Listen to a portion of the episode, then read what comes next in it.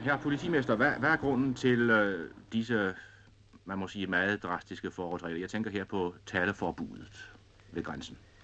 Ja, mm, grænsepolitimesternes bekendtgørelse af 4. august 47 indeholder jo ikke blot et taleforbud, men et forbud mod øh, på en hvilken som helst måde at sætte sig illegalt i forbindelse med personer på den anden side af grænsen.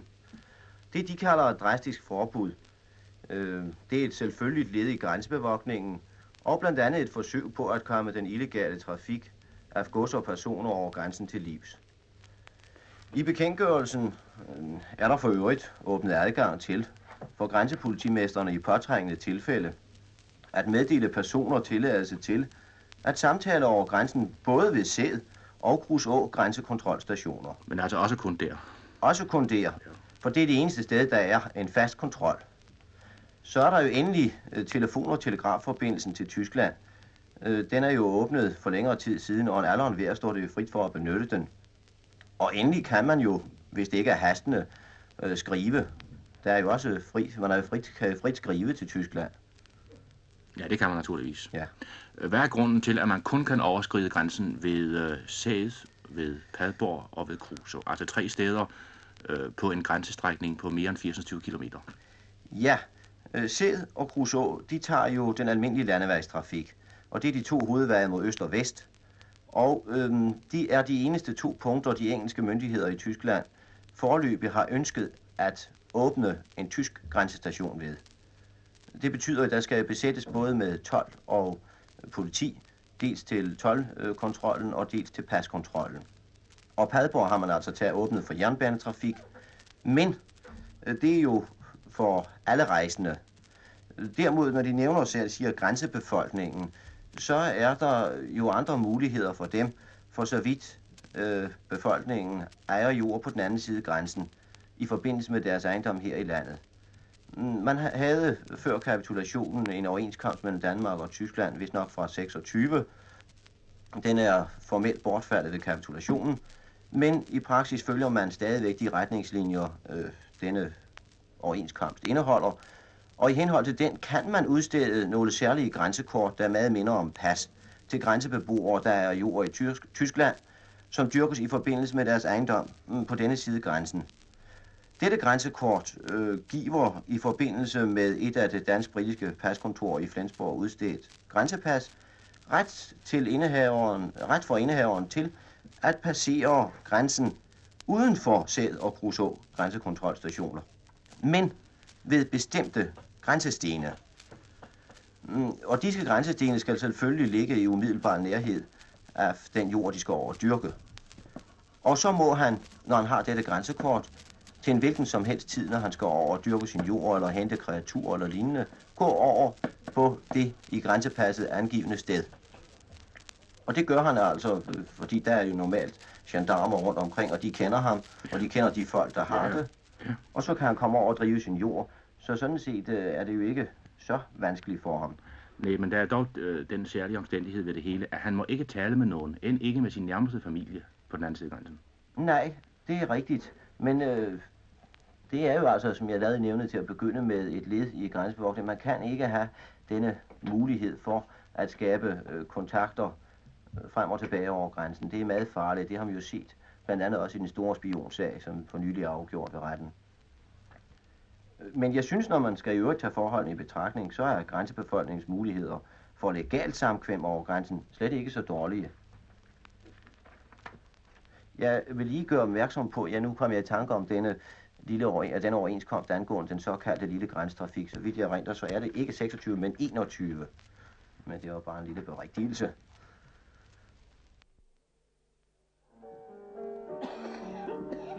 obedience of his good.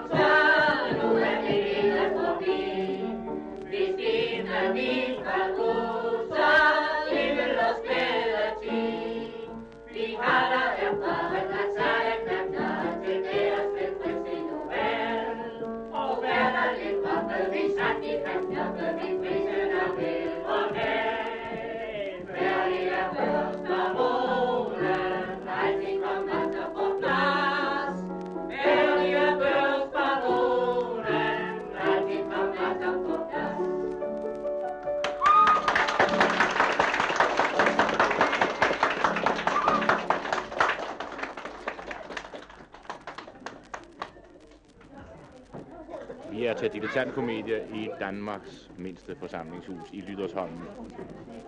Kun en kilometer nord for grænsen. Jeg sidder her på en af sidebænkene sammen med en af egens forgangsmænd. Og det, vi allerførst må gøre, det er at give lytterne et begreb om, hvor lille dette forsamlingshus er.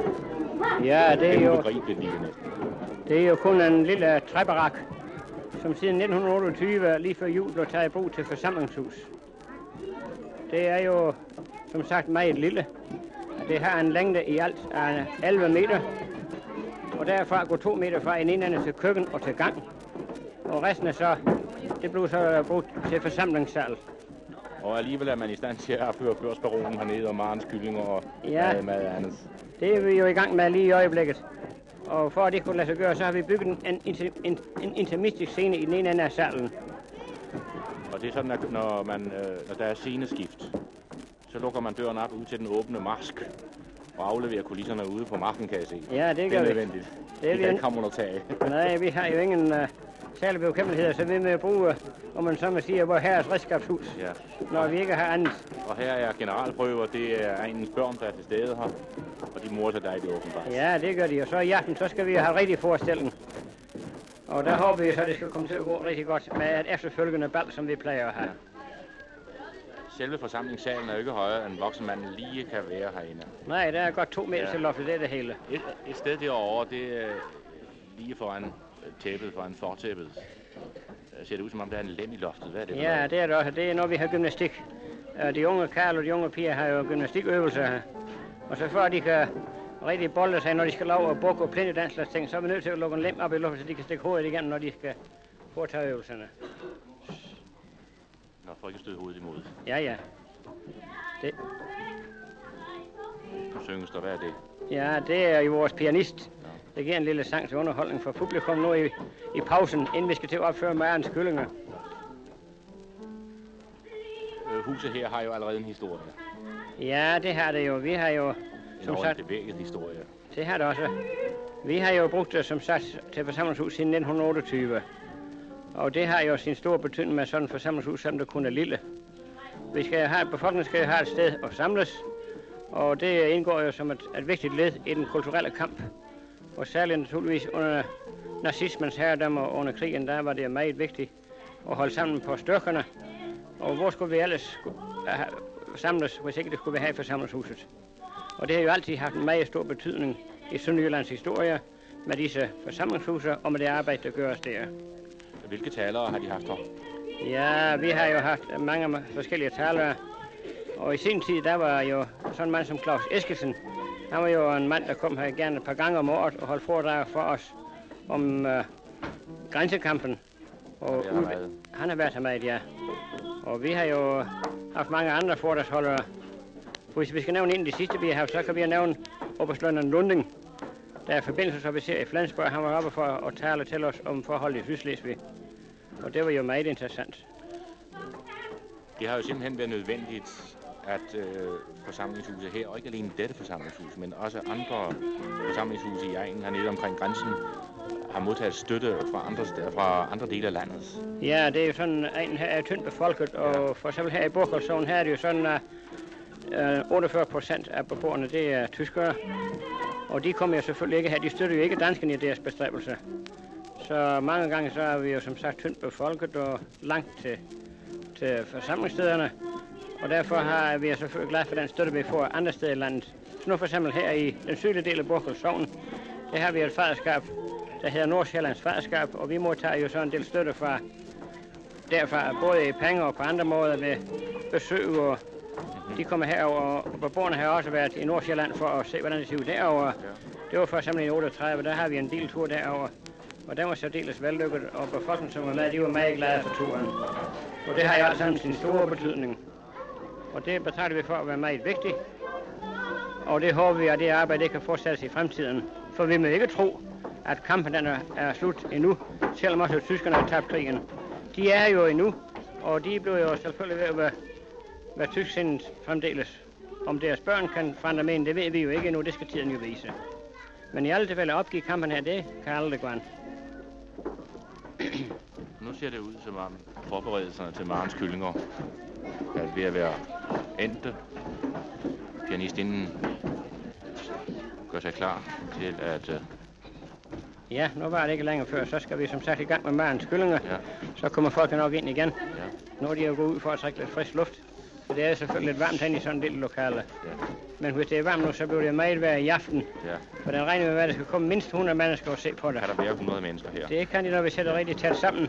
Ja. Og hver tommer bliver udnyttet, så kan vi lige være her. Og nu indtager børnene deres pladser igen. Ja, ja. Og nu er jeg sikker på, at tæppet går øh, ganske få sekunder. Det går sidelæns. Det går Selands, ja. Det er jo primitivt som alt andet. Når man besøger husene langs grænsen, så kan det ikke undgås, at man før eller senere kommer til en af kreditanstalt Fogelgesangs gårde. Og det er en af dem, vi kom til nu. Og vi sidder i køkkenet, og konen i huset er optaget af storvasken, med stryger, og manden i huset holder pause et lille øjeblik.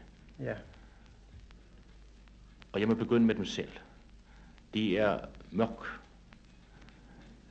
De er sorthåret, har en mørk lød og ser noget fremmedartet ud, og det skal vi vist give en forklaring på med det samme. Ja, det kommer, jeg er jo født i Rusland. I Volynien, det er en del af Ukraine. Og jeg var 10 år, dengang jeg kom hertil. Der, var- det var i 1911. Min far, han var et år øh, for inden rejste op for at søge arbejde. Og så kom vi et år efter min mor og min søskende. Og vi fik arbejde på en større gård tæt op ved grænsen. Det var i, i Nordslesvig. Og så gik jeg i skole der i fem år, og siden har jeg været på forskellige gårde rundt om. Så blev jeg gift med min kone, og hun er jo også derfra. Ja. Deres far var altså tysk kolonist i Rusland, Javel, og de er blevet statsløs kolonist ja. i Nordslesvig. Ja, ja, det kan man godt se. Det er deres skæbne. Vi må høre lidt om gården her. For det første, er, den er ganske ny. Ja, den er bygget i 1939. Stuehuset er, er, er røde sten og med tegltag. Og udbygningerne, jeg kan ikke rigtig se, hvad vi kan se ud her. Ja, det er zink. Det er zinkplader. Tækket med Ja. zink. Og hvad kan der være i udbygningerne? Ja, det kan nok være uh, for til uh, en besætning på 20 stykker kræ og tre heste Mm. og 10 svin og høns. Og det kan det nok. Hvor meget jord er der til her? Det er 35 tønder land. Kan de klare det alene? Ja, vi har gerne uh, en af de, uh, der kommer af skole. De er desværre det, det første år hjemme. Hvordan gik det til, at de blev forpagter af en fogelgesangård? Ja, jeg har jo en, en uh, lille ejendom i Heils. Det ligger på den anden side af den gamle grænse. Og det var halvanden tønder land. Og min kone, hun passede det, og så gik jeg ud som uh, daglæger. Og jeg ville nok gerne have lidt større, for det var jo småt. Og så kom jeg og hørte jeg fra Fugelgesange. Ja, det var noget af min familie, der, der kendte Fugelgesang, og så kom jeg jo i forbindelse med Fugelgesang. Og så fik de en gård. Så fik jeg den gård her. Måtte de have en startkapital? Nej, jeg har ændret mig. Jeg har et par køer, og dem måtte jeg så sælge til dem for at få lidt driftkapital. Ja, så havde de mange børn, og det var det vigtigste. Ja, det har vi. Det var deres startkapital. Ja, det har vi. Det var altså en betingelse, der blev stillet. Ja, børnene skulle jo til skole. Børnene skulle Og gå vi har i fem, fem stykker, som kunne komme i skole. Og ellers var der så ellers andre betingelser knyttet øh, til ejendommen her. Ja, det var vist øh, nok øh, den tyske øh, Nordslesvig Zeitung, men den har vi endnu for inden, øh, så vi kom hertil.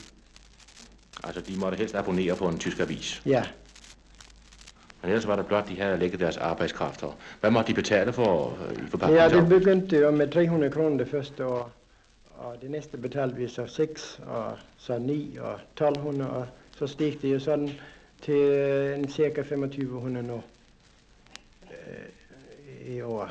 Er det rimeligt? Ja, det kan nok gå an, da. vi kan nok klare den der. Mm, Hvad er grunden til, at de skal væk herfra? Ja, det er jo, at øh, de er jo konfiskeret af den danske stat, og øh, skal der jo andre folk til, for vi er jo øh, statsløse, og vi har børn er i gang i tysk skole. Og det blev sagt til mig, at jeg kunne ikke pakke længere. Nu har jeg pakket den anden, en, min, en uh, ejendom en 10-12 km herfra på samme størrelse som den her. Og vi flytter jo til den 1. april. Så de, de føler tysk og tænker tysk. Ja, Men hvordan med børnene? ja de, øh, de taler jo tysk, er dansk herhjemme, og de jo også nok, hvis nok blive dansk, når vi bor her. Vil de sende børnene i tysk skole igen? Ja, det håber jeg, at det bliver sådan uh, politisk igen, der. Det tror jeg, det ved jeg ikke, der, men uh, jeg tror det. Jeg vil helst bo i, i fred og, og, og ikke befatte med noget politik der. Jo, men har det noget med politik at gøre? Ja, det, det er, jeg kender ikke meget til politik, men uh, det mener jeg da, at det må øh, være noget, når man kan komme af, af, af, gårds for det. Så må der jo politik i det.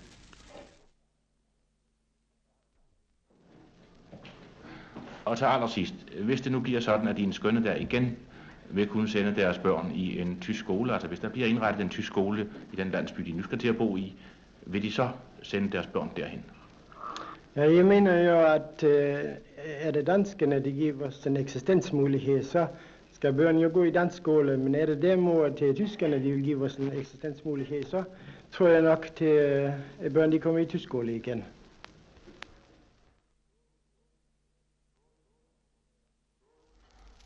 Både lytterne og øh, nu også de to grænsegendarmer, der sidder her ved siden af mig, har hørt, hvad denne tidligere forhuslejrfange mente om behandlingen af fangerne i henholdsvis forhuslejren og frøslevlejren. Og de har begge siddet der, Ja, frøslevlejren. ja. Og øh, jeg vil bede dig om at komme med en kommentar øh, til den udtalelse. Ja, jeg mener nu slet ikke, at det kan ligne sammen, de to ting. For se, tyskerne, de er dernede som skyldige, og vi bliver slæbt dernede uskyldige. Og derfor mener jeg ikke, det kan ligne sammen. Og hvordan går med behandlingen? Ja, vi blev godt behandlet, men det tager vi ikke tak tyskerne for. For øh, det var det dansk fængselsvæsen, vi var underlagt. Og det fik vi en god forplaning, og vi kunne selvfølgelig også gå frit. For vi var ikke dømt, vi var retsløse. Og tyskerne, de må jo da ved, altså til, de er skyldige og er dømt for der forseelse. Og det for, Og de var, de var retsløse. de var retsløse, ja.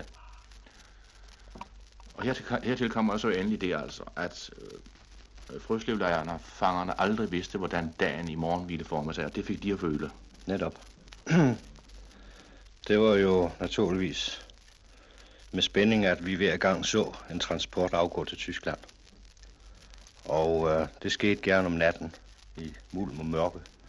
Hen ad fire tiden om morgenen blev de mennesker, der var dømt til transport, jævlet ud af barakkerne og stillet op og ført ned i øh, SS-barakkerne, hvor de så fik en madpakke og blev smidt ud i en vogn, eller også fik de lov til at gå til den nærmeste station over på den tyske side. Derfra blev de så igen smidt ind i kreaturvognen og blev udsat for en fuldkommen afspæring fra omverdenen i den tid, der foregik transport. Og øh, det synes jeg jo, den måde, som vi blev behandlet på alene under turen, det gav os en lille forsmag om, hvordan det ville blive senere hen i Tyskland. Vi har selvfølgelig mange gange igennem både engelsk propaganda og engelsk oplysning og andre steder fra hørt, hvordan det var i de tyske koncentrationslejre. Men øh, at det var så galt, som det var, det havde vi jo næsten ikke troet. Men vi fik senere, vi fik senere at vide med al mulig sikkerhed, at det var værre, end vi nogensinde havde hørt. Hvilken lejr kom de til? Vi kom først til Nøgengamme. Ja. Efter cirka et døgns transport fra Frøslev, han kom vi til Nøgengamme om formiddagen. Og dermed er jo efter. egentlig alting sagt. Ja, det er det. Øh, den forhuslejrfange, vi lige hørte, han sagde jo noget om, at der også hos dem sad folk, der ventede på en dommer, som havde siddet i tre år. Ja. Hvad mener de om den udtalelse? Ja, den synes jo nærmest i forhold til det, vi er udsat for der, så er den nærmest latterlig. Ja, det vil jeg give min kollega ret i. Den var fuldstændig latterlig. For de her, altså, jeg har været med nu i krigen i, i 14-18. Jeg har aldrig været udsat for så en sindstemning, som den der mine kammerater, de rejste til Tyskland. Og hvad det har betydet, det ved jeg. Det ved de fleste, altså, og alle dem, der har været med i krigen, de ved i hvert fald, hvad det har betydet med altså, den her udtalelse. Og mit sidste spørgsmål til dem, det skal være dette. Mener de, altså disse to gendarmer her, mener de, at der er nogen fremkommelig vej for en forsoning imellem dansk og tysk nu, altså i denne generation? Nej. Jeg mener afgjort nej. Og de? Ja, jeg mener også nej, og i hvert fald kommer det an på tyskerne. De har udspillet. De er anholdt natten mellem den 3. og 4. denne måned. Ned. Ja, also Sie sind arrestiert worden zwischen dem 3. und 4. in diesem Monat. Nicht? Polizei. Verstehen Sie nicht? Nichts verstehen. Na, das ist... Polizei verstehen. Ja, Polizei verstehen. Sie sind arrestiert worden. Arrêté, nom de Dieu. Prison. In der Nacht zwischen dem 3. und 4. Prison. Ja, Bunker. hier in Dänemark. Af en, Og af ved en, der ikke niks? af en grænsegendarm i blå uniform. Ja, also in einem Grenz, äh, von einem Grenzgendarm in blauer Uniform hat sie arrestiert hier in Dänemark. Na, De, nichts. var, Var... de sad i skjul i en lille skov nede ved grænsen. Sie sind in einem, in einem Versteck, in einem kleinen Wald gefunden worden. Sie haben sich in einem Wald versteckt gehalten. Ja, okay. Ein Soldat. Ja, ein Soldat kam und was so. Hat gesagt, Nee. nein, was? Nou, ik, Wie ging es vor sich? Ja, bleiben Sie hier. ik, ik, word, ik, word, ik word hier. Word, Ja, gehoord. Soldat maken. Der Soldat kam mit dem Gewehr Ja. und was? Ja. Was? Was dann? word spreken met halt. Haben Sie Waffen gehabt? Haben Sie Waffen gehabt? Sie, Ik, ik word hier. die Hände hoch, ja. wohl? Ja. Also, han, Er det rigtigt, at det var i natten mellem den 3. og 4. Altså mellem onsdag og torsdag? ist es richtig, dass das in der Nacht zwischen dem 3. und 4., also am Mittwoch und, äh, also in der Nacht zwischen Mittwoch und Donnerstag, dass Sie äh, von dem Soldat aufgehalten wurden? Mit, mit, mit, voor, mit soldaten. Eh, Mittwoch, ja. ja, Mittwochnacht. In der Nacht. Oder mitten am Tag? Nee, nichts nackt. Am ja. Tage? Ja, ja. Nee, nee, Abend, Abend. Am Abend? Man wird, man, Uhr ist mehr. Ja, jawohl. Mehr 12 Uhr ist noch nicht weiß, wie viel Uhr. Ja, Wird viel, Eins Uhr 30. viel dunkel. Ja. Noch ich nicht weiß. Nein, nein. Äh, blaue Uniformen. Also nackt zwischen äh, Mittwoch und Donnerstag. Kurz nach Mitternacht. Kurz nach Mitternacht. Mitternacht nicht. Mitternacht. 12 Uhr. Ja. Midi, minuit. Speter, veel speter wordt Mikko. Veel uit donker wordt het. Dat is Nå. veel donker. Og de øh, er forklarer, at de er kommet med et fransk skib, med et svensk skib fra Frankrig. Und Sie erklären, dass Sie mit einem schwedischen Schiff von Frankreich gekommen sind. Nicht wahr? Ja. Wohin in Dänemark? Wo, sind Sie wo ist das Schiff angelaufen in Dänemark? Eisberg, iceberg, no, wat iceberg. niks anders. No, wat Holz, Miko, wat maken diese. Ja. Das, ja. Warum sind Sie nach Dänemark gekommen? Ich wollte kommen, mein, meinem Bruder Dänemark. Ihr Bruder? Oh, igen, Dänemark. Sie sind Ungar? Hanna Ungar.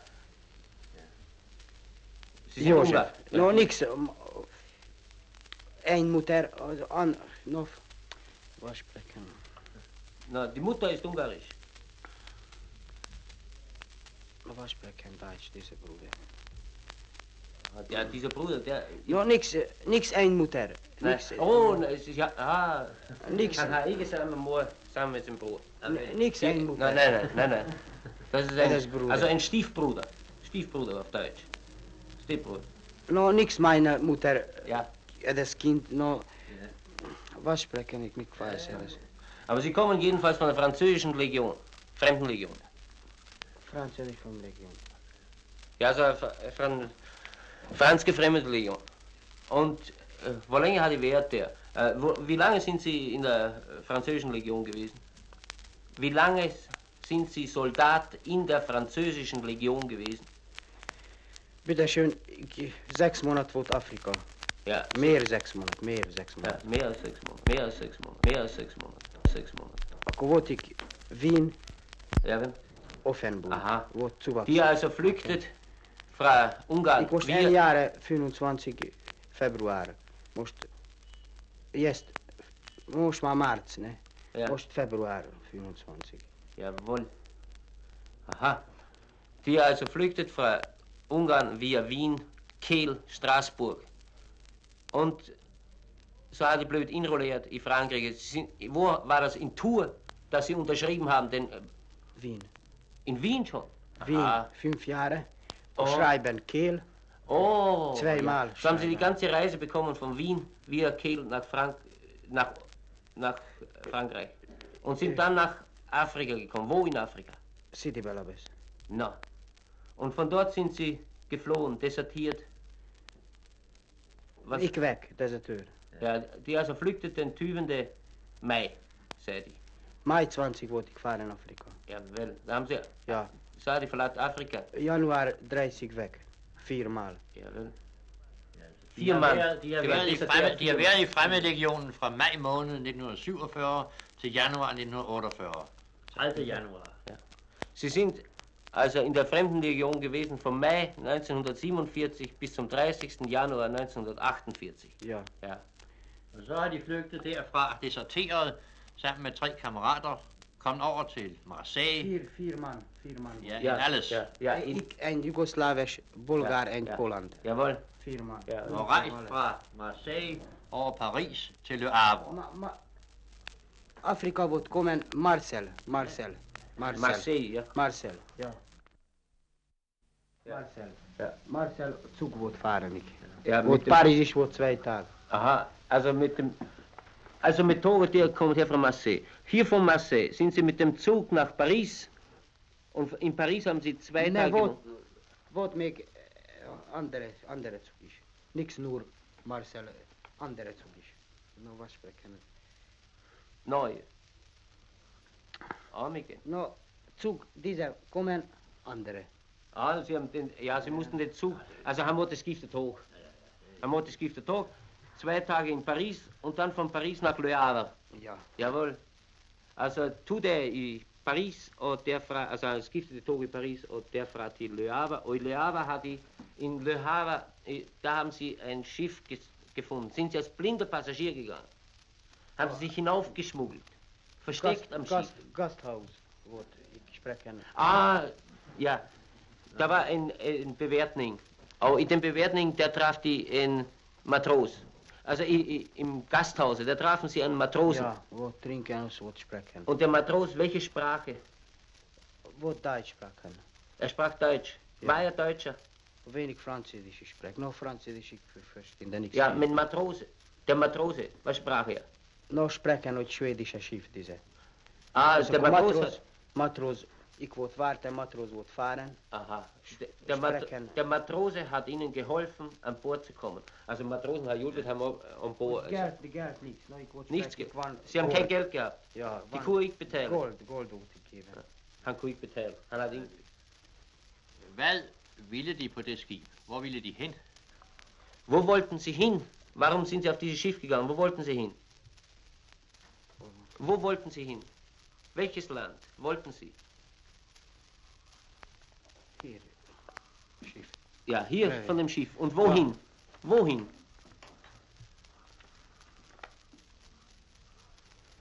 Hier Ja. Schiff. Wo will die Reise hin? Ja, her får Le aber, og så her har vi ablassen. Det kan vi, her kan vi ganske tydeligt følge det. Wollten Sie nach Dänemark? Ja. Oder wollten Sie nach England oder Norwegen? Nee, nichts, nichts. Sie wollten nach Dänemark. D- Dänemark. Dänemark. Ja. Weil Sie einen Bruder hier haben. Das haben Sie Ja, zuerst nichts, erklärt. nichts. äh, das andere. Die, die verklarte für, die hat einen Bruder hier.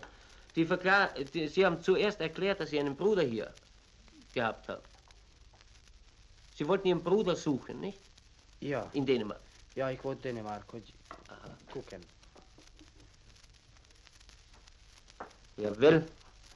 Altså, På han ville absolut... måde kom de da her til Danmark? Sejlede skibet direkte til Esbjerg? Ist, ist das Schiff direkt äh, Esberg, hat das Schiff direkt Esberg angelaufen? Ist das Schiff direkt in den Hafen hineingekommen? No, Nix äh, statt i- hier. Vårt das Bau, vårt Wasser, mit Wasser, vårt Holz. Ja. Vårt, nix, äh, Wasser, da vårt Holz, vårt Platz, vårt Holz. Na, ein Lagerplatz, wo... Es ist schwer zu verstehen. Ah, große Schiff als Wort, 4, 5, 6 Kilometer als Wort, andere als kleine. Ja. Aha. Die äh, uh, menen also at die er zet met een boot van schieven. Ja, oh, ja. En, en, en matrozen had ze in het land... Nee, vier, nee. vier stuk. Ja, ja, maar wie had ze in het land geruderd? Een matrozen? Ik word hier, als ja. wordt mak. Ik word hier zitten. Ja. Ja. Nå, øh, han siger, at al, det var alle fire på en lille båd, og de roede i land. Så Amerika, Amerika, Ungarland wordt kind, ik goed trouwens. Ik weg Ungarland, Russisch van weg. Sie wollen nicht mehr zurück nach Ungarn. Moest je niks. Had ik komen GPU maken is van tot. det gør ikke noget. Det, det bringer vi bare i. Det er bare det. Ik Ungarland goed trouwens. Mijn vader Schnapsfabrik, wijn, wijnbrand, Han Schnapsgeschäft. har et rigtigt hjem, der han... Zwei, dreimal Altså, Schweinschlag. øh, Brændvindsbrænderi. Ja, Brændvindsbrænderi, det er ikke forbudt der som der. Så, Ik niks, niks. Also, ik har weg, ik fünf dagen maar Ungarland is. Ik moest maar een jaar en ik zou het koken. Schop me thuis. Wat?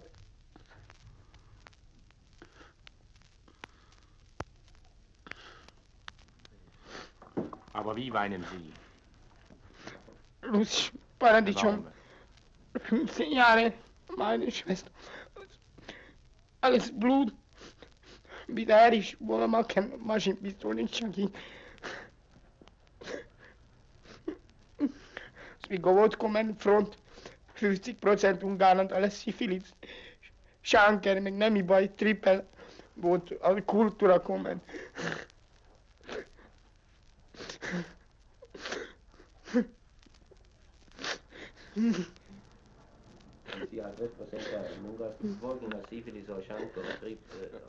Russisch, also egal, wo 80 Jahre alte Frau, egal, 13 Jahre Kind. Also Stalin-Kultur kommt.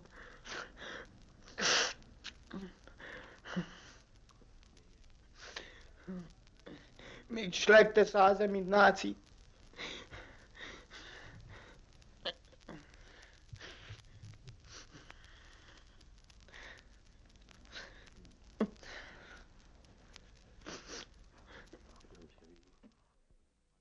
Føler de den uretfærdigt behandlet?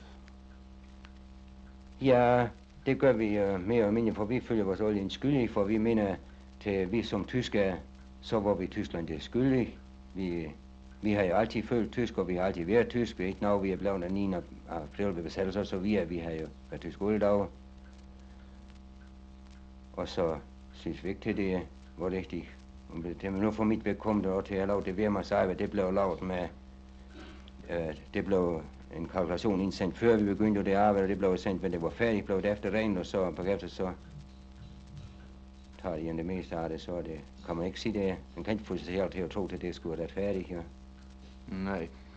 Havde de frygtet, eller rettere sagt må jeg spørge dem, hvad frygtede de den 5. maj? Ventede de at blive øh, for eksempel udvist af landet? Nej, det- jeg har ikke tro regnet med det. Man hørte det nok før, at hi, til det skulle ske noget i den duer, men jeg har ikke regnet med det. Det har de ikke regnet med. Nej, det har jeg ikke.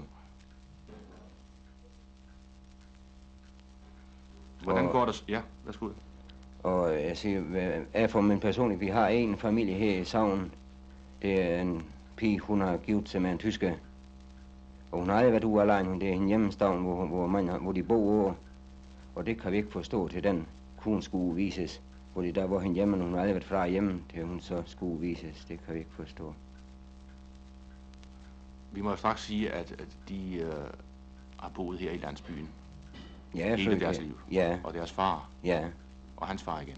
Hans far er ikke født her i huset, men han er født 10 km på den anden side af grænsen, 15. Og de er smed, Ja, og deres far var smed. jeg er bedstefar. Var smed også. Ja, min fars far, ja. Ja. ja. Hvordan går det så med smedeforretningen i dag?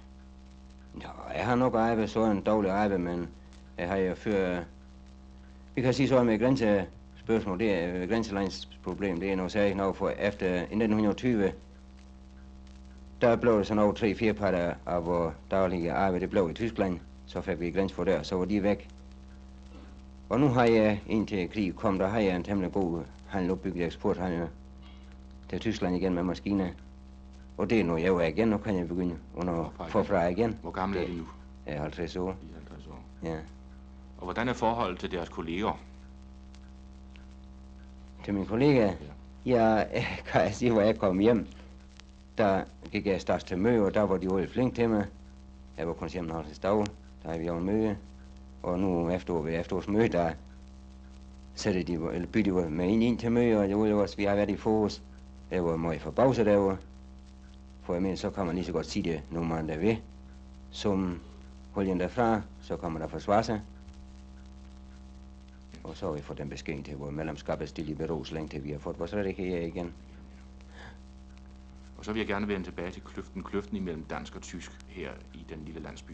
Ja, Øh, der er gået tre år ja, siden kapitulationen. ja.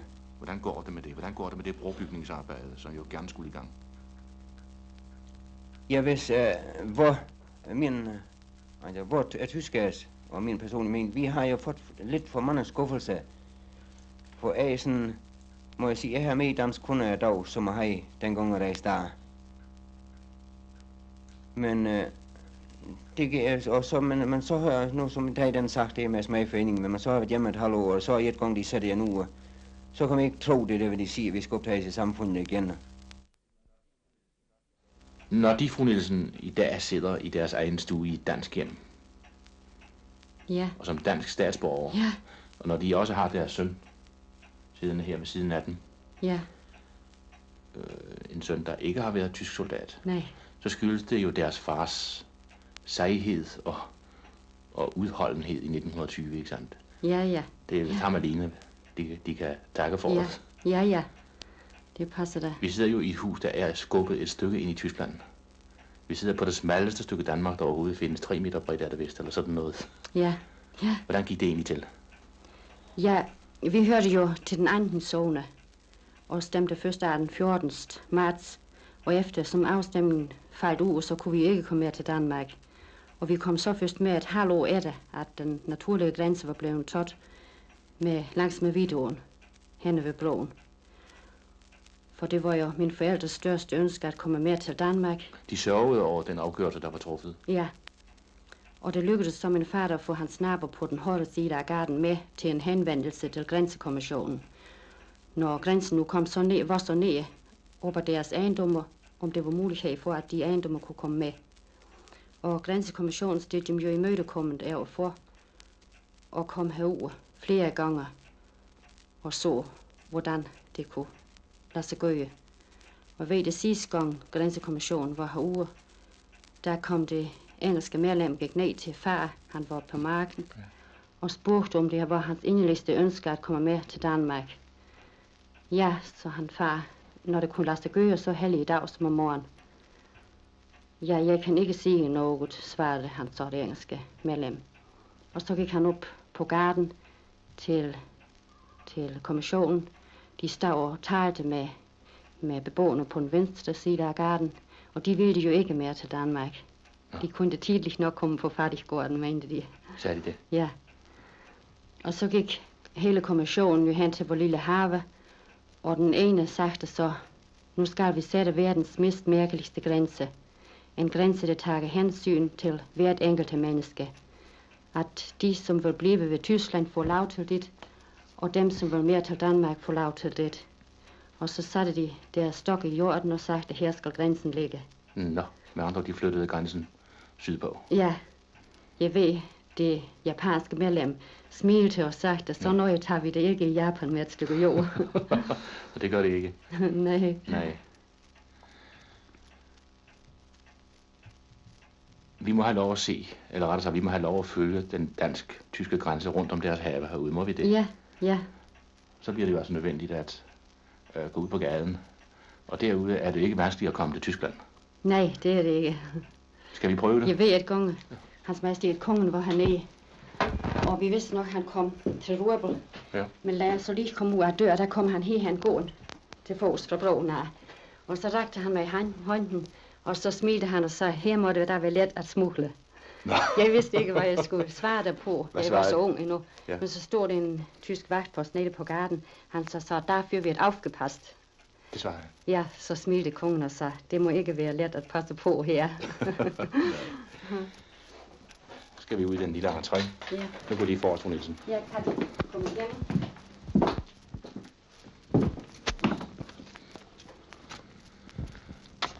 Og så er vi ude på trappestenen foran huset. Og her har vi jo en vid udsigt ud over Sydslesvig, ud over de flade marskegene i Sydslesvig. Lige på den anden side af grænsestregen der ligger den del af byen her, der hedder Rosenkrantz, Rosenkrantz, ja. som er tysk. Og derude har vi, Nykirke. det hedder, hvad for noget? Nykirke. Nykirke.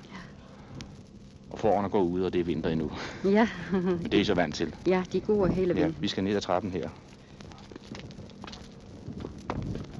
Og så har vi altså kun en, en, en lille halvsnes meter hen til, øh, til hjørnet. Til Danmarks ja. hjørne mod syd, kan man sige. Ja. Og så er vi tæt ved grænsebommen. Den ser ud til at være blevet lappet nogle gange. Ja, Den er været kørt i stykker. ja, det har den. Og her har vi stenen. Og nu har jeg set så mange grænsesten hernede i disse dage her. Og den rille, der er skåret ned i overfladen, øh, går altid lige over. Den er altid, Ja. den er altid lineær, men her er det en vinkel. Ja, det er jo Og det passer til, til, den lille hjørne. det passer til hjørnet af deres have. Ja. Jeg kan sige, de passer, øh, de passer køkkenhaven her særlig fint. Ja, den er velpløjet, han er så velgravet, Ja. ikke sandt? Og, og hvor nu, grænsen går altså her, kommer hertil, og hvad så? går den jo derned med stakittet. Ja. Helt ned til huset. Ja. Og så går den jo den vej langs. Og så udenom hønsegården, Ja, og så uden om, øh, om hegnet derovre. Og hvor så? skal have noget sådan med grænsevejen derom. Og bag ved huset. Om bag ved huset. Ja, uge er der Siltoft. Ja. Helt uge er der Siltoft går den vej. Ja. Er øh, de besøgende, der kommer hertil, helt klar over, hvor ejendommeligt grænsen er trukket her? Nej, nu øh, i de her årene, der må det jo komme længere som den første grænsesten. Turister, de må ikke gå længere som den første grænsesten. Men vi vil jo håbe, det kommer igen, til de må gå helt herhen. For det er meget mere interessant, når de må gå helt hen til bommen. Og jeg har jo hørt, at flere af de beklager sig med til de, nu har de gjort den tur og ikke må komme længere som den første grænsesten. De har hørt historien om deres hus. Ja, men vi vil jo håbe, det kommer snart Ja. ja. igen. Hvem bor lige på den anden side af gaden her? Det er den tyske grænsekrog. Er det sådan, at de ikke må tale med dem derovre? Ja, det må vi ikke. Jamen, kan det undgås? Ja, det kan det nok. Kan det det? Jo, det kan det nok. Jamen, børnene. De leger ikke med med hinanden, sådan det blevet sådan, en hver holder sig til sit. Jamen, de taler dog samme sprog. De taler samme sprog, ja, det ja. gør de. De taler nu mere tysk, som de gør før, det er jo. Nå, gør de det? Ja, når jeg var barn, der talte de altid dansk, det er jo. Nå, det er noget, der er kommet på i de senere år. Ja, det er det. Men dengang de kunne få en 10 øres pas, der var den tyske grænsekrog jo altid fuld af danske turister. Og det var interessant at gå derover og tage en genstand. Og her besøger vi så en ganske almindelig gårdmand. Ja. Der er... Der er forpagter her. Ja, forpagter. Ja. Der er forpagter af en gård, der ligger i to lande. Ja, det gør faktisk. den jo. Ja. Og der er en anden mærkelig ting ved, ved dette landbrug her, det er, at de skal nordpå. Altså op i landet. Ja. Udover deres jord nordpå, så er de nødt til at have en springstok med. Ja, det skal vi. Og skal de sydpå, så er de altså nødt til at have et pas i hånden. Ja, vi skal have lov til at få at passere grænsen. Ja. Først det med springstokken. Der står en derhenne ved gavlen. Ja. Det er en 3-4 meter høj, smukt malet stang, og, og den er forsynet med en bøjle i den ene ende, den nederste ende. Hvad er det for noget? Ja, det er for, at hvis vi springer over grøften, den ikke går for langt ned i. Den støder imod det, det er væk. Nå, og det er altså nødvendigt. Ja, det er nødvendigt herude. Ja, nu er de jo en ganske ung mand, kan sagtens klare det, men hvordan er det med, med de 70-årige? Og her, de springer også godt med den. De er jo vant til det fra barnsben. Nå. De har jo rutinen i det. Det er det, der hedder fri idræt. Ja, det her det sådan. det må det være. Men uh, det, der er, er ulige og interessant over, det er jo det, at de, når de skal over på den anden side af, af vejen her, vejen løber lige for, forbi facaden. Ja, vejen, Godt, det er altså ja. Tyskland. Det er en tysk vej, lige her. Det er det. To meter fra os. Ja. Så skal de have pas i lommen. Ja, så skal vi have grænsekort. Et grænsekort, ja. Altså vejen her er tysk. Ja, den er tysk. Den lille stige her er dansk. Det er dansk, ja. Ja, og stenen står nu omtrent midt i vejen. Ja, det der bag der, det Ja. skiller altså mellem grænsen. Ja. Grænsesten, den står der, den ene der. Det er den anden. Ja. Men jeg kan se, at øh, ejendommen her får strøm sydfra. Hvordan går det til så? Jo, så vi får elektriciteten, den får vi sydfra. Her over grænsen, så betaler vi altså 12 afgifter op på tolvkontoret i hver måned. Og på den måde? Ja. Der er ingen måler på med andre ord. Jo, det er der er mål måler på, den bliver afløst. Nå. Det kommer ind fra Tyskland og afløser den, og så er det en dansk sendant med ind. Og haven, køkkenhaven ligger øh, altså her ganske få meter fra os, lige på den anden side af vejen, og ligger altså i Sydslesvig. Den ligger i Sydslesvig, ja. Ja. De kan ikke gå derover uden at have pas i lommen Nej, det må vi ikke. for at hente sillerier og på Det må vi ikke. og den slags ting.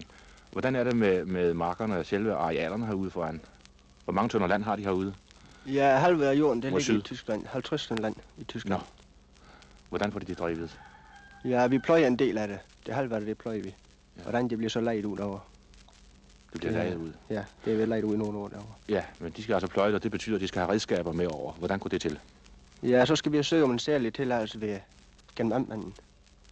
For at få lov til at tage med redskaber og maskiner.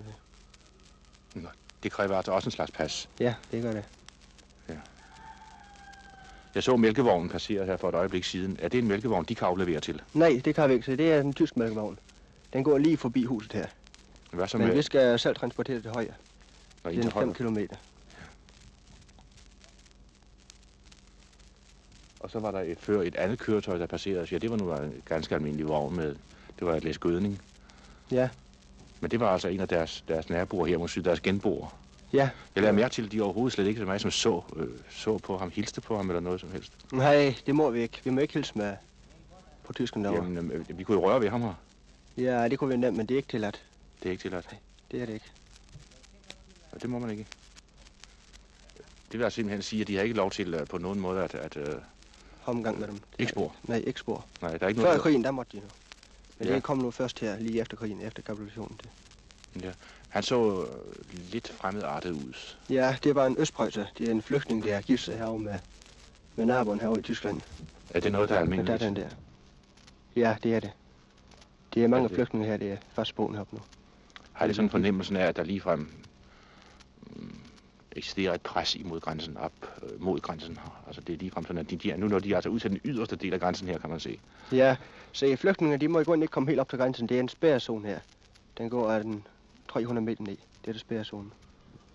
Den må flygtninge ikke passere. Det må de ikke. Nej, det må de ikke. Ja, det lyder, det lyder jo med hensyn til afspærringen meget rigoristisk, det der, at de altså ikke så meget som må, Ja, må være det der med et blik. Er det sådan, at hvis man havde slægtninge nu i for eksempel i det hus derovre, som ligger 25 meter fra sig, så kunne man ikke gå derover? nej, det kan man ikke. Det er, det er bor en mand herovre. Det er sådan, at, at han bliver over i det hus der. Men han har ikke lov til at gå hjem. Altså, er det Jamen- deres medhjælp her? Ja, han hjælper til her på gården også. Han må ikke gå over der. Nej, det må han ikke. Han bor herude. Men han kan, han kan bogstaveligt talt se, hvad, hvad forældrene får til eftermiddagskaffen inde i stuen. Ja, det kan han stort se. Han bor herude i en ejendom herude. Nå. Det er han ikke. Han kommer forresten der. Nå. Goddag. Goddag, goddag. Nå, det er netop dem, vi taler om. Nå.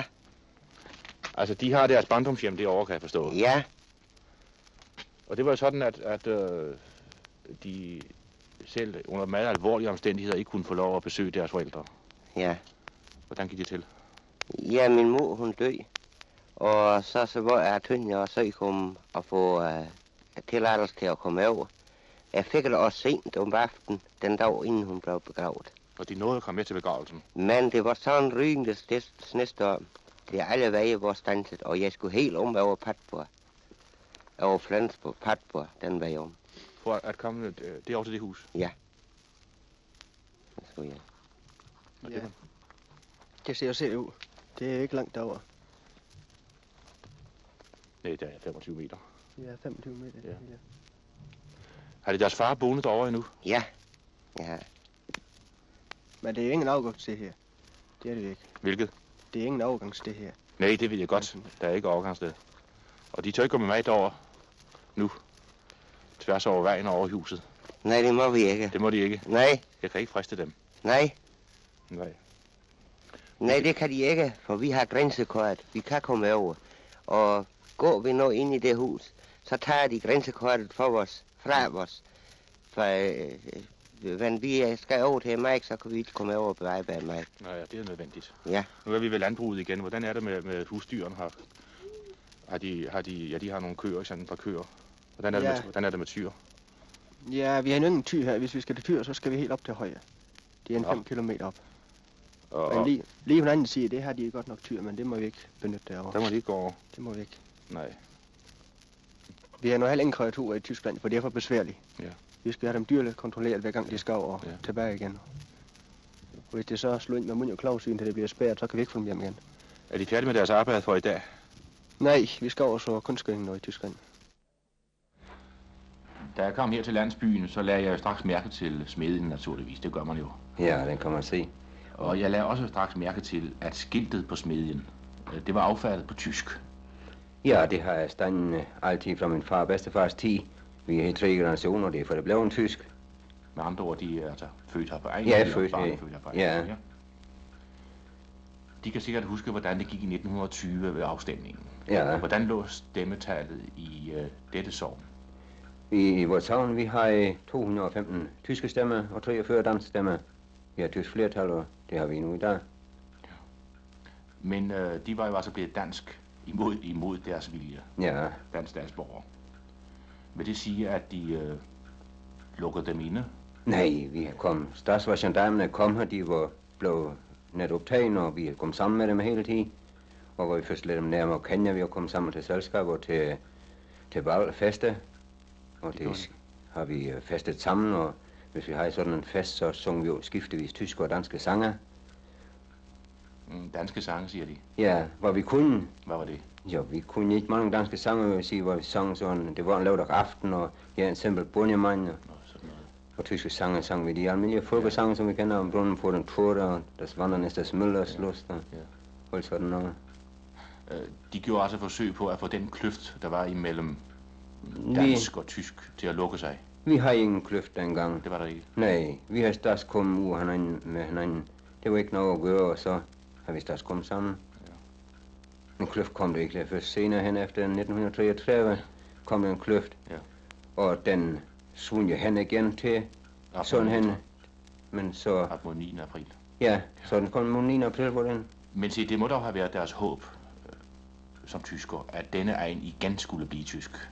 Ikke? Ja, det var jo håbet hele tiden. Ja. Forholdt vi til vores tyskhed, og vi, hvor bøgen blev tysk opdrejende igen. Hvordan har de tænkt dem, at denne egen igen skulle blive tysk? Nu har vi tænkt den, vi har tænkt vores det lige så godt, som den blev dansk. Kunne den jo blive tysk igen?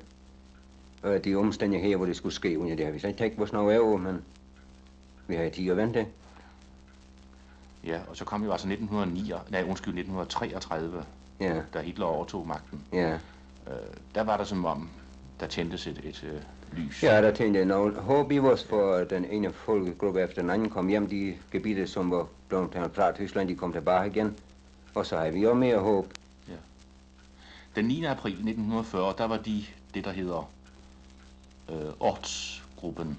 Ja, hvor er I savn, ja. ja. Hvad er det for noget? Ja, hvad er det? Det er formand af den uh, tyske forening, hvor det er jo, af tyske forening, NSDAP. Ja. Og øh, nå, de var altså medlem af NSDAP. NSDAPN. Ikke, ikke af det danske nationalsocialisme. Nej, nej, nej, nej, det må vi ikke. Hvordan oplevede de den 9. april? Ja, vi igennem støj kom jeg til i seng, og det kom soldater. Vi har næsten her, vi ligger lige ved landvejen, og det gik jo straks løs her. Og vi har fremme hele dag fra byen, og de står jo i hu og, ønsker det soldater tillykke til velkommen så når de snart, kan vi sige. Jamen, som årsgruppenlejder, der må de jo have haft en særlig opgave. Har de det? Nej, det har det, det, nej, nej, slet ikke. Det har ikke har hele tiden med, bare Wehrmacht har ikke noget særligt med at gøre. Nej. Hvordan gik det den 5. maj 1945? Den 5. maj, det er ikke den 5. maj mærkede vi ikke sådan særlig noget til. Vi, vi så jo, så var trupper, de kom tilbage. Det var et sørligt syn for os. Og det gik vores ned, var trupperne sådan måtte trække uger. Af landet igen? Uger af landet igen, ja. ja. Og så blev de arresteret? Ja, så hør, vi hørte jo nok til, at det blev nogle steder nogen arresteret, og så regnede vi med os nok til, at det skulle, jeg skulle nok blive arresteret. Og det blev de? Det blev jeg så den 9. maj, men vi havde ikke tænkt til, at det skulle så mange arresteret, som det blev her i savnen. Hvad blev de dømt for? Jeg blev dømt for træfabrik, og så har jeg i sin tid et gang fornærmet politibetjent, skulle jeg have gjort. Mm. Og så for værnemageri. Og værnemageri? Ja. Ikke for angiveri? Nej, ikke angiveri, nej, det har vi ikke haft herude noget Hvordan så de på angiveriet, eller det man kalder stikkeriet? Jeg har været sigtet for angiveri, men det kunne jeg, jeg blev klar bevis til, ikke hvordan angiver. Og for angiveri, hvor jeg ser for angiveri, det er, hvis en mand direkt gør det for at tjene penge, så forkaster, uh, forkaster jeg det. Men uh, hvis en mand nu dømt for angiveri, hvor det skal her angiveri, og han har givet som øh, det blev våbensmugl og så videre, det, hvis det kunne skære sine kammerater, det skulle bruges til at skære sine kammerater, så, øh, så kan jeg ikke se, det er noget forkert i det. De havde en svend, der var frihedskæmper. Ja, det vidste jeg ikke, at han var det, men det viste sig senere, hvor han blev Arhin. Det er det først for at vide senere. Ja.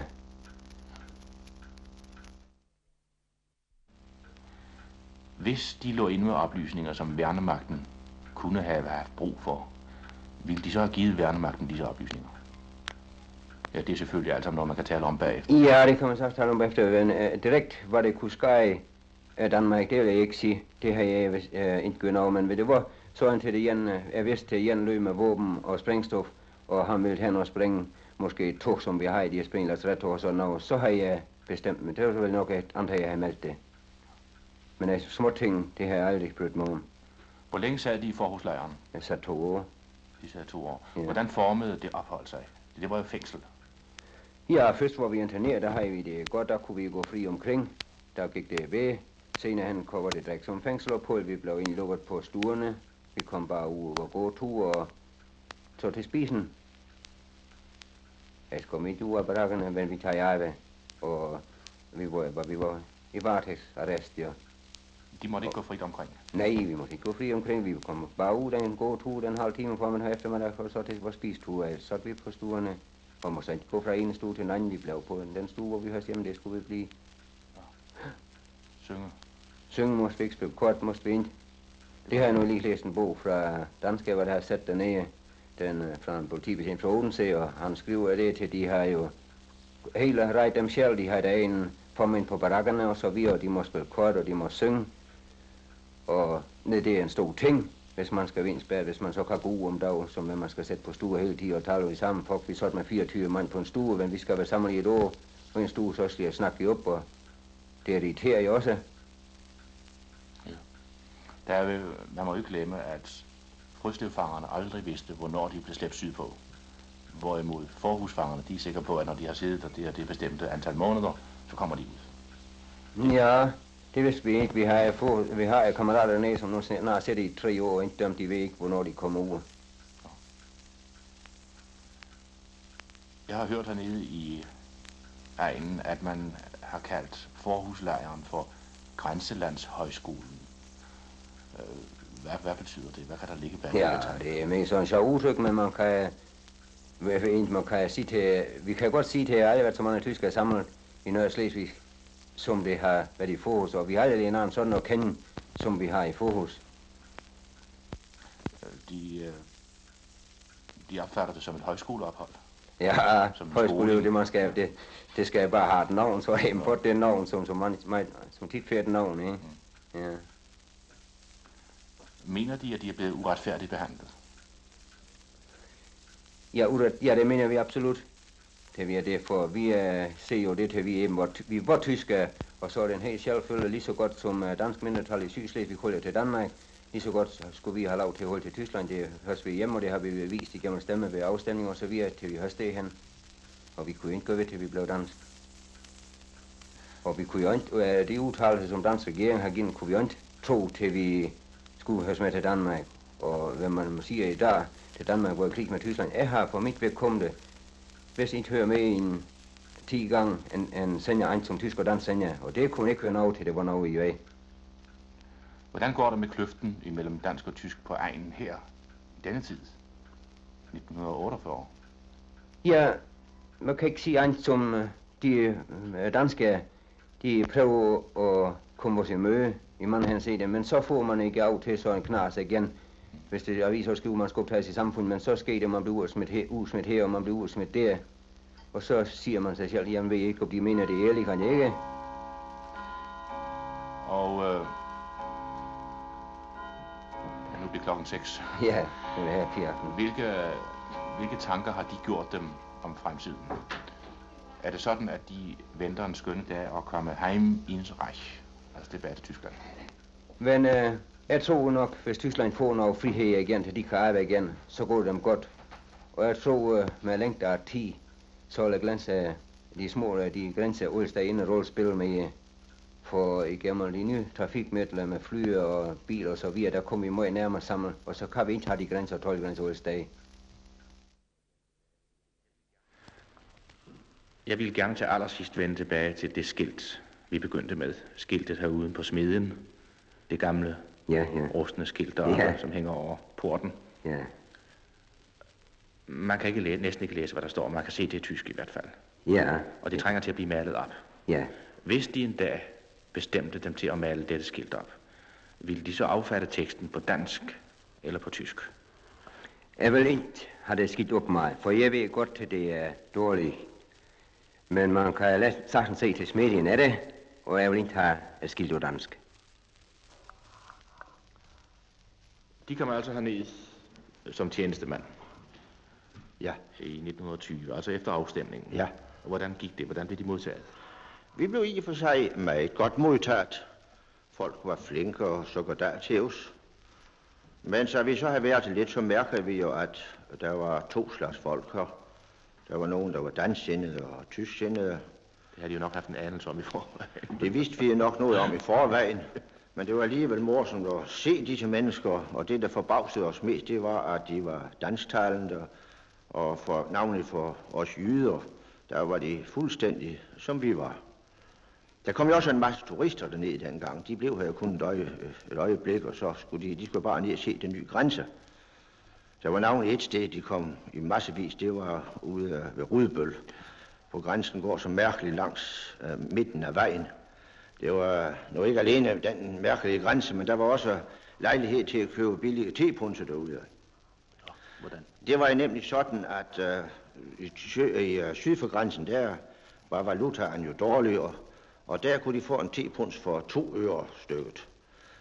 Og så kunne de jo ikke komme over grænsen derude og købe dem, for så skulle de have pas og visum. Men øh, så var der en krog, der lå lige ved siden af grænsen, og der kunne, når der var god vilje på begge sider, så kunne der rækkes en tepunds ud af vinduet. Tilstrækkeligt lange arme. Med tilstrækkeligt lange arme, og så kunne turisten stå ude midt på vejen og række ud, og så tage den, og så gik to øren tilbage i underkoppen. Den trafik, den blev jo tolereret af 12 og gendarmer, fordi den var så original. Men ellers øh, så har vi det i og for sig godt, øh, den tid med dem hernede. Vi kom sammen til festlighederne, familiefestlighederne, bryllup og, og så videre.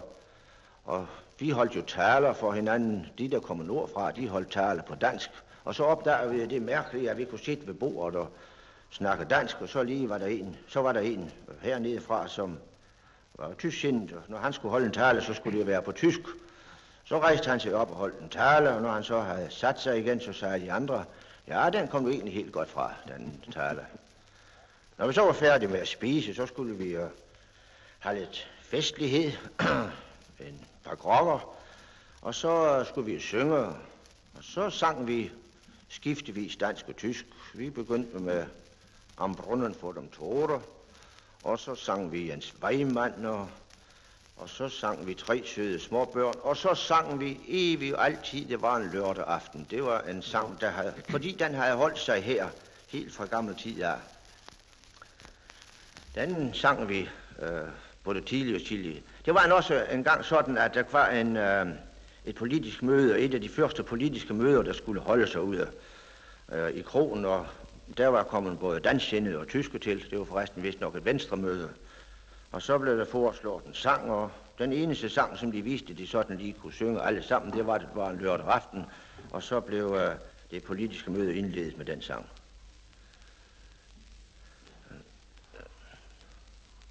Der er gået mange, mange år. Ja, nu er det gået lang tid, og det gik jo udmærket i, i, i mange år på den måde. Men så begyndte jo uh, den uh, hissige agitation at sætte ind. Og så blev det sådan ligesom større skæld imellem de dansksindede og de tysksindede her på egnen. Og øh, det kulminerede så i øh, dengang med besættelsen. Der blev der jo sat et skæld, og der var det jo ret vanskeligt at, at komme sammen. Der var enkelte familier, dansksindede og tysksindede familier, der kom sammen alligevel, men de aftalte, om jeg så må sige, en særfred i det, uh, de sagde til hinanden. Vi kan godt bevæge at komme sammen selskabeligt, men uh, det må vi vide, at politisk, uh, politik må der ikke blive talt her. Og de, uh, disse aftaler, de er så blevet holdt i enkelte tilfælde, men i det store hele, så var det vanskeligt at komme sammen i den tid. Og det er jo, uh, har jo holdt sig indtil nu. Det er også lidt vanskeligt endnu. Men jeg synes jo, det begynder at og bliver ligesom lidt bedre med og den selskabelige sammenkomst og de selskabelige sammenkomster. Det synes jeg. Det mener de altså er typisk for situationen i dag? Det mener jeg.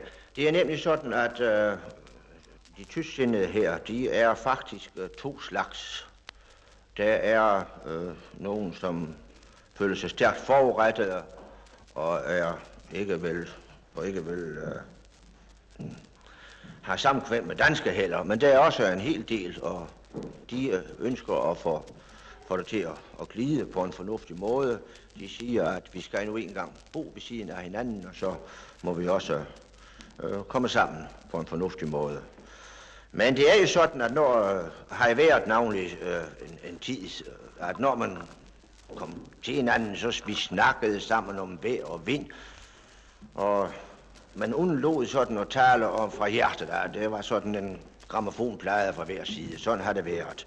Men jeg synes, det er, et tegn på, at, at den gruppe, den fløj af tyskerne, som vil øh, genoptage forbindelsen, den bliver ligesom lidt bedre. Den bliver ligesom lidt, øh, der bliver skærkere, ja. Der bliver flere, der får mere magt efterhånden. Og fra dansk side har der forresten også været sådan øh, en, øh, en isolationstilbøjelighed fremtvunget for en del jo. Men øh, den, jeg tror, det, der, det vil glide efterhånden, at det kan komme til at arbejde sammen. De bor jo i samme by og har samme interesser for en stor del. Økonomiske interesser. Og sproget skiller jo heller ikke, og sædvaner i grunden heller ikke. Så der er jo egentlig kun den politiske ophidselse, der kan skille ad. De er lærere, så de ved jo altså har et første kendskab til forholdene i skolen. Ja, det har jeg jo da. Det er jo forhold, der citeres op i, i landet gang på gang, og man følger det med mig interesse, hvordan skoleudviklingen finder sted hernede. Ja, her øh, er jo, øh, der går en del børn fra tysk skole over i dansk skole. Og det gik i grunden meget glat. Der var ingen gnidninger af alvorlig art. De kunne jo dansk alle, da de kom her. Og i løbet af en måned eller to, så var der i grunden ingen forskel at mærke på dem.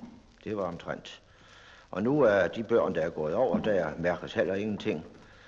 Øh, til at begynde med, der var de, havde de jo krigsophidselsen i blodet fra begge sider endnu, og der skete der jo til, at der kom sådan et ubetænksomt ord fra, det, fra den ene part og den anden part. Men det mærker man aldrig noget til nu mere. Og nu er der så arbejdet en tysk privatskole her i landsbyen. Ja, Vil det sige, at nogle af børnene rykker tilbage igen til den skole? Nej, det er der ikke. De børn, der gik over, de er blevet i dansk skole hele tiden. Øh, det var jo to virkelig klare standpunkter. Vi er derefter gået til en kendt sønderjyde og en kendt grænseboer. En mand, der hele sit liv har taget del i det danske arbejde hernede i grænselandet. Og de hørte jo, hvad der blev sagt. Ja. Og først vil jeg spørge den, kan de to udtalelser tages som typisk for øh, grænselandet? Ja, det kan de sikkert godt. Det er de to standpunkter, som står skab over for hverandre. De er opstanden til dels ved til for eksempel de to gendarmer, har så de Frøslov, uskyldig, de har ikke forset dem, og kom senere til Nøgen Gamme. Og det er klart, at de vil stå stærk, i stærk modstandsforhold over for folk, som vi, dem som vi kalder for forhusfanger. Det er dem, som i sin tid under besættelse bar våben imod Danmark, og det er med også imod os, som er den naboer til daglig. Men se for en iagtager, der, der røber det, dette modsætningsforhold, forekommer det mig, en kløft, der næsten er uoverstigelig. Jeg ved ikke, om de er enige med mig der. Kløft, det er, det er et skabt udtryk. Jeg vil tro, det er to skab meningsforskelligheder, to skab modsætningsforhold.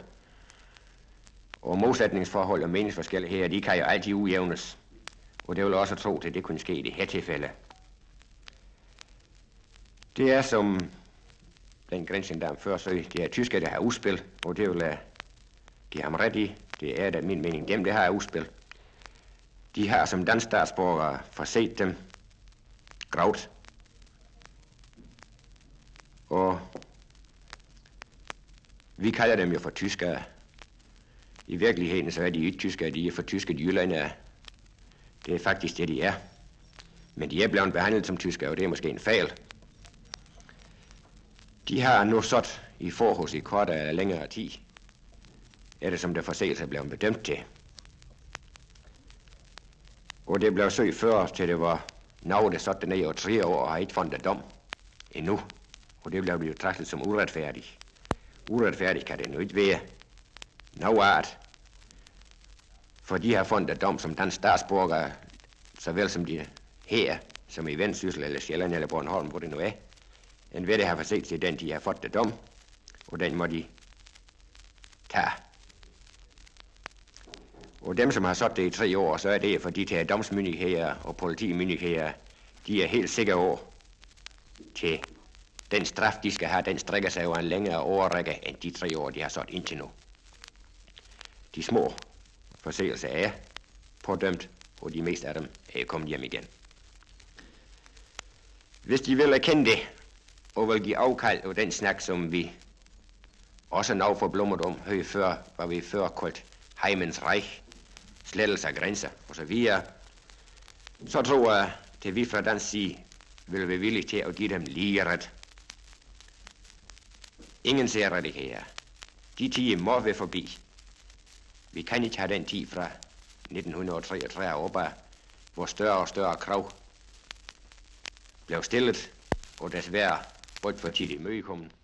Det må vi forbi. De må få lige ret med vores egne, og hverken mere eller mindre. Herre politimester, hvordan hænger det egentlig sammen med, med dette taleforbud ved grænsen? For udenforstående kan det lyde temmelig rigoristisk.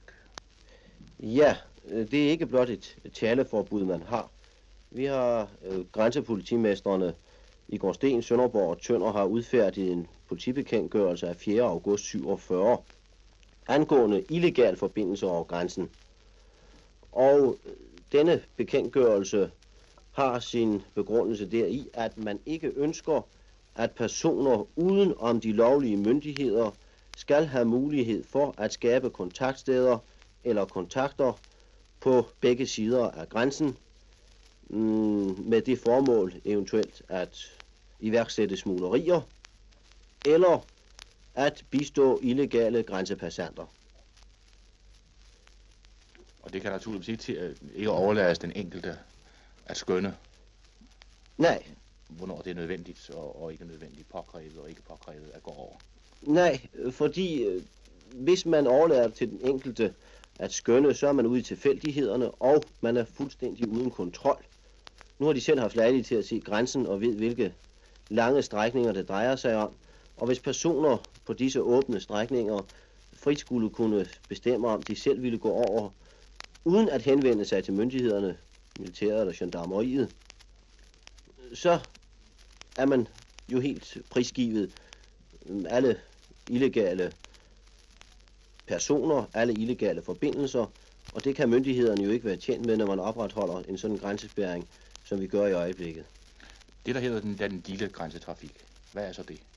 Den lille grænsetrafik, den er legal, og den har sin hjemmel i en bekendtgørelse eller overenskomst med tyskerne fra begyndelsen af 20'erne, og det drejer sig kun om personer, der ejer jord på den anden side af grænsen. Den er altså gensidig. Tyskerne har tidligere haft tilladelse til på tyske grænsekort at komme over på vores område og dyrke den jord, de måtte have der. Omvendt har danske statsborgere, der bor på den side af grænsen, tilladelse til at komme over på øh, tysk side og dyrke deres jord.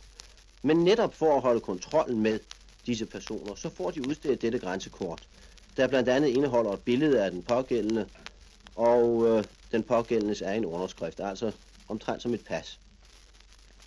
Og det giver dem tilladelse til på ganske bestemte steder at grænsen, at grænsen at passere denne, og gendarmeriet, som jo tidligere var det eneste øh, bevogtningspersonale langs grænsen, kendte alle disse personer, der havde disse grænsekort, i det de fik meddelt fra politiet om, når der var udstedt grænsekort. Og altså havde mulighed for at kontrollere disse. Der skal altså skydes eller på anden måde advares. Hvis... Det, hvis de mener altså, hvis man øh, øh, observerer personer, der færdes nede ved grænsen, eller forsøger at sætte sig i forbindelse med personer på den anden side af grænsen. Ja, Øh, det er spørgsmålet om militær gendarmeri, som jo er første grænselinje. Det er i og for sig ikke noget, der vedrører politiet. Men det gælder både for militæret og gendarmeriet om at hindre samkvemmet mellem personer på begge sider af grænsen. Hvis ikke denne øh, forbindelse er legal eller tilladt.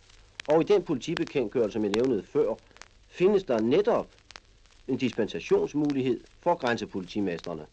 I det de kan tillade i meget hastende tilfælde, at personer nede ved de legale grænseovergangssteder får tilladelse til øh, at øh, gå, øh, at henvende sig til familie eller pårørende, eller hvem det nu er, det drejer sig om, på den anden side af grænsen. Så skal jeg til sidst læse et digt af Paul Sørensen. Det hedder Genforening, passer til lejligheden og har desuden noget at sige os i dag. Det er genforeningsdagen.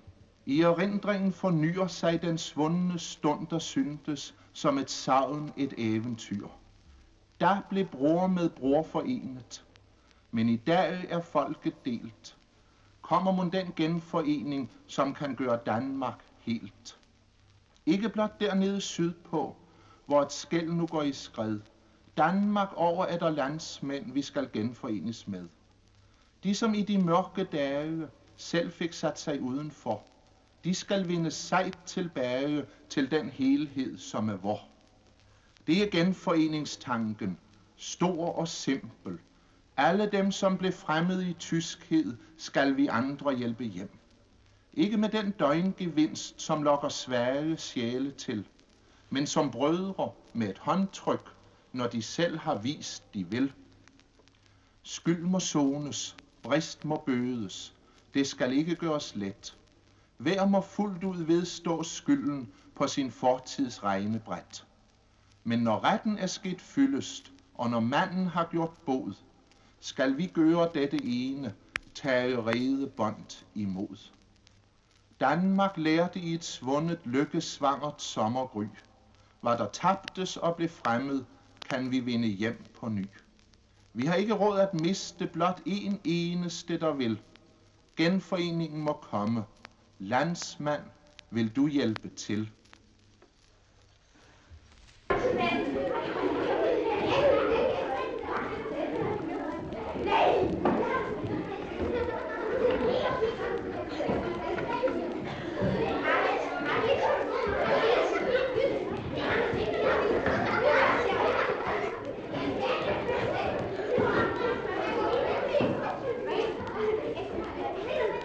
Godmorgen, børn. Rejs jer op. Så synger vi, som vi plejer, en morgensang, og i dag kunne vi tage egensangen for en fremmed barsk og fattig.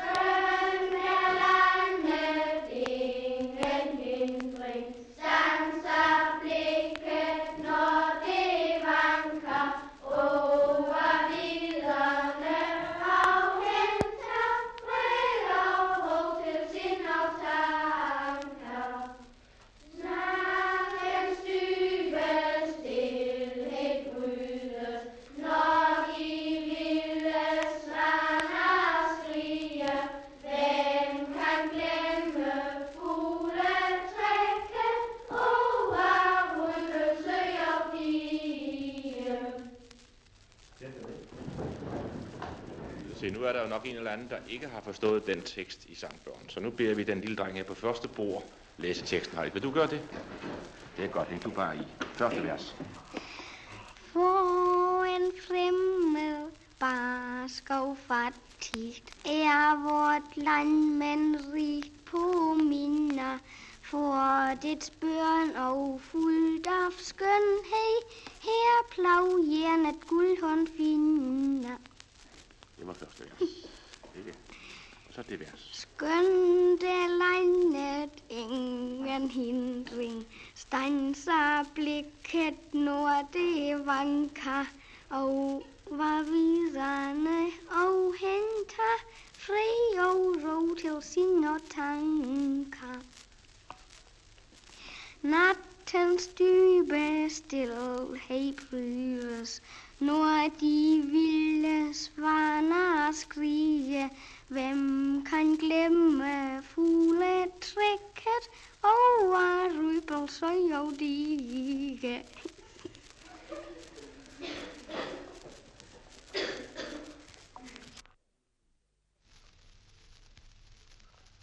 Hvor mange børn er der i skolen? Vi har 29 børn i klassen. Hvor mange af de 29 børn øh, gik tidligere i tysk skole? Kan I række en finger hvert, dem der har gået i tysk skole før? Det bliver 1, 2, 3, 4, 5, 6, 7, 8. 8 af 29, men det er dog ikke noget helt korrekt billede af. Nej, nogle af, af de mindre, de ville jo også have, have gået der. Ja, det er Fordi de er søskende til andre. Ja, det er klart. Hvor mange af jer taler tysk hjemme? Det var to. Inge Marie og Dita. Ja. Hvor mange af jer kan tale og forstå tysk? Der er mange, mange. Det er mange, ja. Det er 1, 2, 3, 4, 5, 6, 7, 8, 9, 10, 11, 12, 13, 14, 15, 16. Men det er der jo en forklaring på. Ja, de har tre timer tysk ugentlig ja. i skolen her. Er der en, der kan sige noget på tysk? For eksempel et digt. Kan du gøre det, Inger? Det kan du godt, ikke? Freudvoll und leidvoll Gedanken wohl sein, hangen und pangen mit schwäbiger Pein, himmelhoch jauchzen zu Tode betrügt, von Goethe. I har alle sammen været ude at se på grænsen her mellem Danmark og Tyskland. Hvordan er den afmærket? Inger? Med sten. Med sten? Ja. Hvad står der på disse sten? Ellie? Deutsches Reich. Og står der helt Deutsches Reich? Nej, det er... Nå, det betyder altså Deutsches Reich. Hvad så du på den anden side? Bodil? Danmark. Nå. Ved I, hvor grænsen begynder henne? Landegrænsen. Inger? Ude ved Siltoft. Og den går hvor langt? Ellie? Flan ved Flensborg Fjord. Til Flensborg Fjord, ja. Hvor lang er denne grænse sådan omtrent? Søren? 80 km. Ja. Hvor lang er den i tynd armt? Herlig. 55 km. Ja, det er også rigtigt. Hvor mange savne ligger der her ved grænsen? Op til grænsen. 5. Ja. Hvad hedder disse savne, når vi nu begynder fra øst? Eva. Tinglev. Burkald. Ubjerg. Møgeltønder. Tønd. Ja. Og hvor bor vi henne? Hej. I Højer Savn. Og hvilken kommune? Inger Marie. Højer Landsavns Kommune. Hvor mange mennesker bor i Højlandshavn? Bodil? 380. Hvornår er det de bygget, som skolen her ligger på? Elly, I 1555. kender I nogen konge, som var interesseret i digebygning? Inger Marie? Frederik den første, mens han var hertug af Godthåb. Ja, der var han altså ikke konge endnu. Hvor ligger Godthåb henne? Nå, det... Elly? I Sydslesvig. Ja, kan I nævne med det nærmere? Inger? I nærheden af Slesvig. Ja, lige i udkanten af Stensvig. Han blev altså senere konge som Frederik den Første. Ved I, hvordan han viste, at han var interesseret i digebygning? Herlig. Han var herude hver sommer. Ja, hvornår? I 1506 til 1513, da de, da de arbejde stod på. Ja, at se, hvordan det gik for sig. Det var så en anden konge, som havde planer med grænsen her, eller ved grænsen. Inge Marie? Christian den 4. han havde den plan at, at gøre Rubel til en havneby og bygge en kanal fra Vesterhavet til Flensborg Fjord. Ja. Og vi kunne også nævne nogle stormfloder, der har været herude, og dem har det også været nogle af. Det er noget godt nok langt tilbage i tiden. Januarfloden 1362, så der er druknet 200.000 mennesker. Og novemberfloden 1532. Det var også rigtigt. Kan jeg nævne med et par savne på den anden side af grænsen? Inger. Bolognese og Aventoft. Ja, længere sydpå ligger den anden savn, som jeg kender. Bodil. Nykirke. Er der nogen af jer, der har været i Rådnæs? Kan I se det over til herfra? Kurt, hvad kan vi bedst se ude i Rådnæs? Hvad? Søren, Skorsten. hvad er det for en skorsten? Teglvæg. Ja, hvad laver de på det teglværk? Teglsten. I kan se her på vejen ude. Hvad er der nu på vejen? Inger. Asfalt. Inden der kom asfalt, hvad var det der? Klinker. Hvad er det for noget, klinker? Ja, Sten. det er sten. Er der så nogle klinker nogen steder endnu? Inger?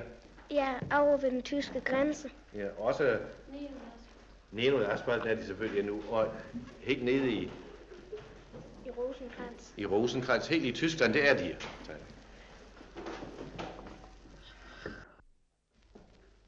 Hvordan er skal, grænsen løber lige her uden for skolen, gør den ikke det? Nej. Ja, hvor er den så? Gennem Rødbølsø. Og igennem Rudbølsø, der kan I da ikke komme ud. Jo, vi kan sejle det ud. Kan I Og sejle løbe på det skøjter.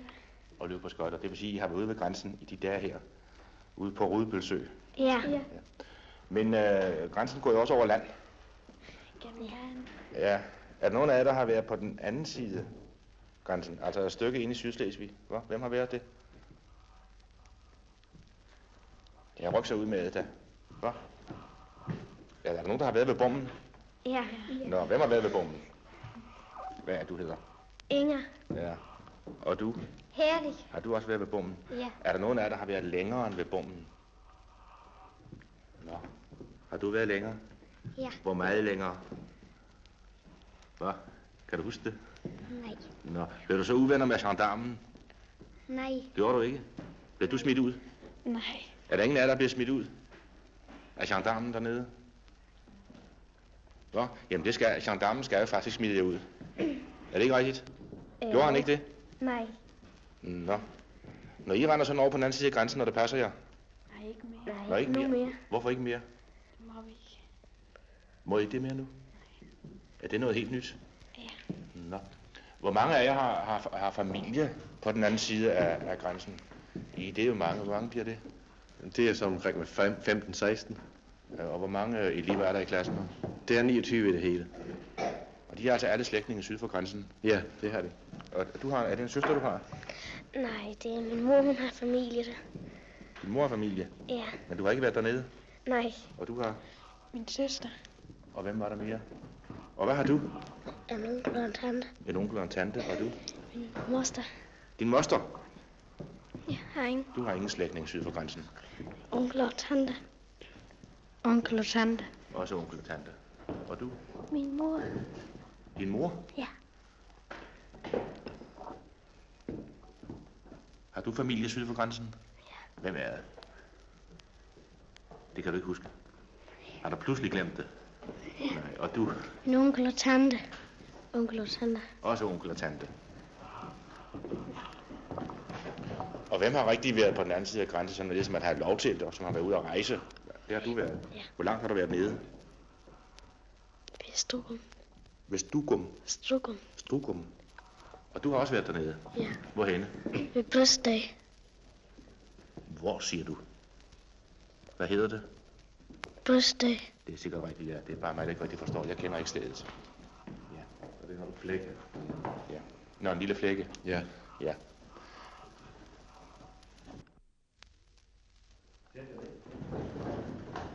Se, nu er der jo nok en eller anden, der ikke har forstået den tekst i sangbørn. Så nu beder vi den lille dreng her på første bord læse teksten højt. Vil du gøre det? Det er godt, hæng du bare i. Første vers. Hvor en fremmed barskov fattigt er vort land, men rigt på minder. For dets børn og fuldt af skønhed, her plav jernet guldhånd finder. Det var første vers. Ikke?